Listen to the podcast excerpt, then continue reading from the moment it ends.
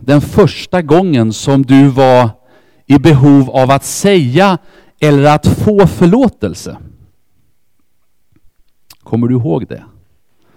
När var den första gången i ditt liv som du kände att du hade gjort någonting som du kanske inte borde?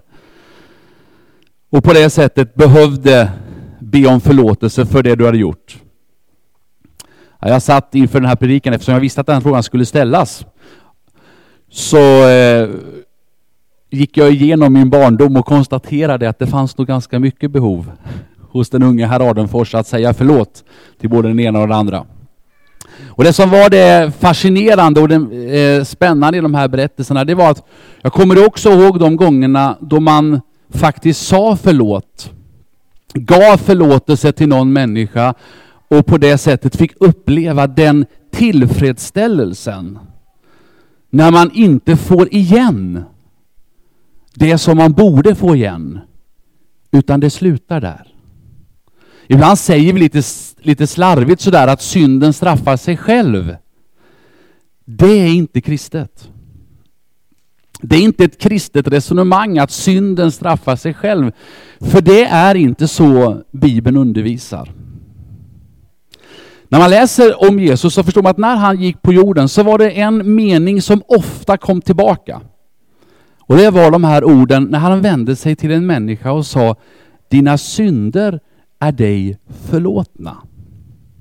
Och då kan man ju egentligen säga så här, på vilket sätt, med vilket mandat kan Jesus säga det? Jag menar om jag och Sture skulle vara överens här och så, och så eller, eh, inte, inte överens, tvärtom, och vi är oöverens och vi är till och med arga på varandra. Och så kommer Berit och säger, Andreas jag förlåter dig. Liksom, Hallå, du har inte med det här att göra, det är mellan Sture och mig. Hur kan Jesus gå in och ge förlåtelse för någonting som han inte är involverad i? Hur är det möjligt? När jag läser min bibel och förstår vad som hände, eller fullt ut förstår jag inte det, men när jag tar in, försöker ta in det som hände, så är det just det som hände på korset. Det står att, att, att på korset så gör Gud allt det en människa egentligen borde göra för att få gemenskap med Gud. Det gör han. Och därför så står det ganska dramatiska ord att när Jesus hängs på korset så blir han till en förbannelse.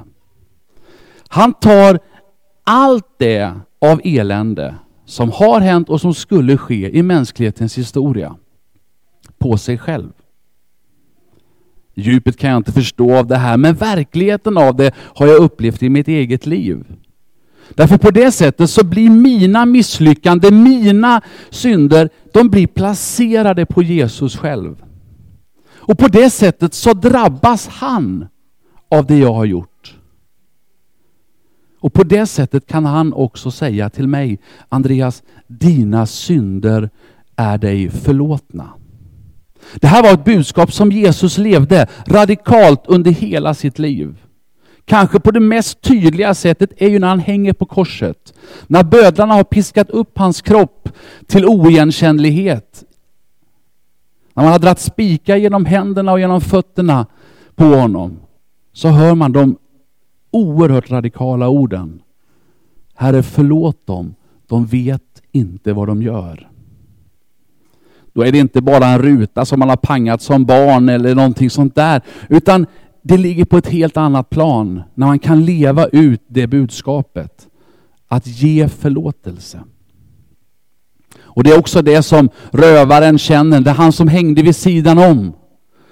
När kompisen hans på något sätt eh, fortsätter hela den här eh, hädelsekampanjen emot Jesus när han hänger på korset, så tar han Jesus försvar och säger att nu räcker det.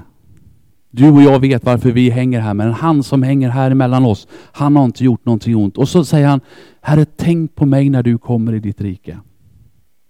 Och den där enkla lilla tanken blir verklighet. När han får höra Jesus säga, redan idag så ska du vara med mig i paradiset. Och så öppnar han perspektivet för rövaren att den dagen som vi dör så är det inte mörker vi möter. Det är en person nämligen Jesus själv. Och därför så vill jag utmana oss alla att våga ta till oss korsets budskap den här långfredagen. För vår egen del. Kanske att vi ska få ta del av Guds mirakulösa kraft så att vi kan förlåta våra medmänniskor. På arbetsplatsen, i familjen, i släkten, bland grannar. Någonstans så måste ju någon människa i en upptrackande, liksom, där det bara blir mer och mer, så måste ju någon på något sätt bryta den onda cirkeln och inte hämnas och inte ge igen där det kanske ändå känns motiverat att göra det. Och ta del av Guds kraft och säga de, de magiska, det magiska ordet förlåt. Att på något sätt bryta den här eh, upptrappande cirkeln. För vad var det vi läste? Jo, det var ju att man fascinerades över Jesu liv. Att när han dör så säger han, Fader i dina händer befaller jag min ande. Han levde ut det livet. Och för mig som kristen så är inte den kristna tron bara någonting som en gång ska komma. Utan jag får del av Guds kraft här och nu. Vi ska få en sång nu som summerar lite grann av det jag har försökt på ett enkelt sätt att säga.